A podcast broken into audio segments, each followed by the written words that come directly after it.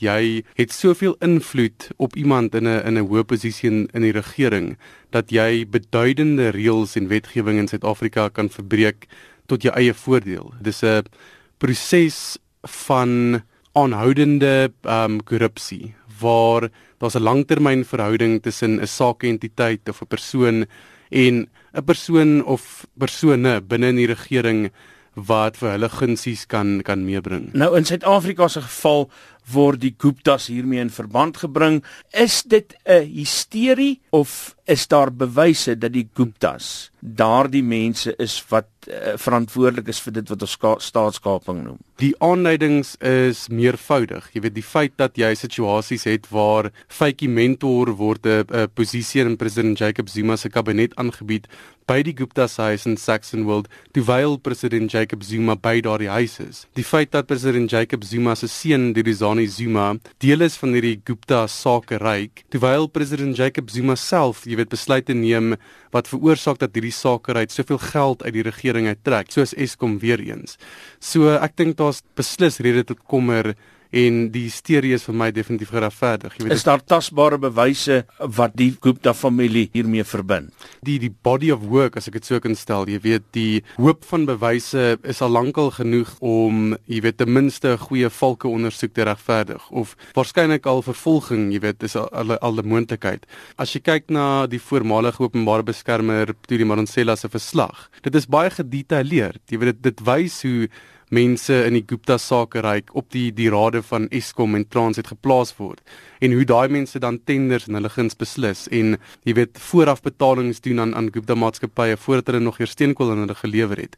So ek dink daar's daar's oorgenoeg bewyse en aanduidings daarvan. Dis maar net ons het 'n lamsakkige ondersoekkapasiteit in in die valke in hierdie stadium en die nasionale vervolgingsgesag het ook nie juis 'n groot aptyd om om hierdie goed verder te vat nie.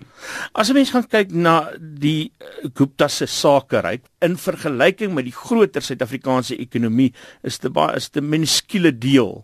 Op watter manier kry hulle dan dit reg om so 'n groot invloed op die Suid-Afrikaanse politiek en die ekonomie te hê? Dit gaan weer eens alles terug na hierdie intense lobbying as ek dit sou kan stel wat wat hulle uitvoer. Wat eintlik maar weer eens neerkom op staatskaping. Jy weet hulle teiken in 'n individue in die regering wie hulle weet, jy weet uh, besluite kan uitoefen om hulle te bevoordeel. Hulle is suksesvol omdat hulle hierdie noue bande het met mense wat besluite neem in die regering. Die Guptas het nie skatryk in Suid-Afrika aangekom nie. Hoe dit gebeur dat die Guptas hulle sakeryk gebou het en uiteindelik soveel mag gekry het, vat ons bietjie terug soontoe. Hulle was nie brandarm in Indië nie. Um, hulle kom van 'n dorpie se Haranpur, daar so 'n paar kilometer noord van die hoofstad New Delhi. En daar het ehm um, Shrif Kumar Gupta, is nou die die Gupta patriarg, die pa. Hy het 'n paar besighede gehad. Hy het ehm um, speserye ingevoer en uitgevoer en 'n paar ander klein besigheidjies, maar hulle was nie naaste by, jy weet, sulke groot en welvarende sakemanne soos wat hulle toe geword het hier nie. So hy het vir hulle al 'n klein bietjie ehm um, start-up capital gegee om na Suid-Afrika te kom en hier te begin, jy weet, sake geleenthede te bekyk. So Atul Gupta kom toe hier aan as die middel van die die middel ehm um, seun van die drie Gupta broers hier in 1993 en hy begin soos jy sê smous met skoene toe 'n paar jaar later identifiseer hy die ehm um, die informasie tegnologie sektor, jy weet die rekenaar sektor as 'n goeie ehm um, jy weet plek om 'n voet in die deur te kry in die Suid-Afrikaanse ekonomie.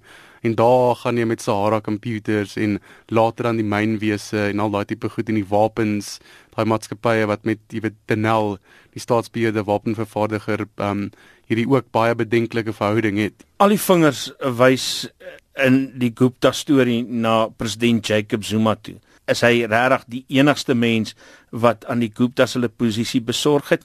Nee, nee, ek ek dink daar's 'n hele netwerk van mense en dit is baie belangrik. Jy weet, ek dink president Jacob Zuma is definitief baie belangrike persoon in die die staatskaping netwerk vir die Guptas sonder twyfel. Jy weet, ek dink hy is waarskynlik bo aan die leertjie maar jy kan nie die rol onderskat van diegene soos Brian Molefe by Eskom. Daar's en daar's daar's heelwat ander vrae ook oor ander um, Eskom raadslede en Transnet raadslede en so so sprei die netwerk weier en weier. Tabo Mbeki.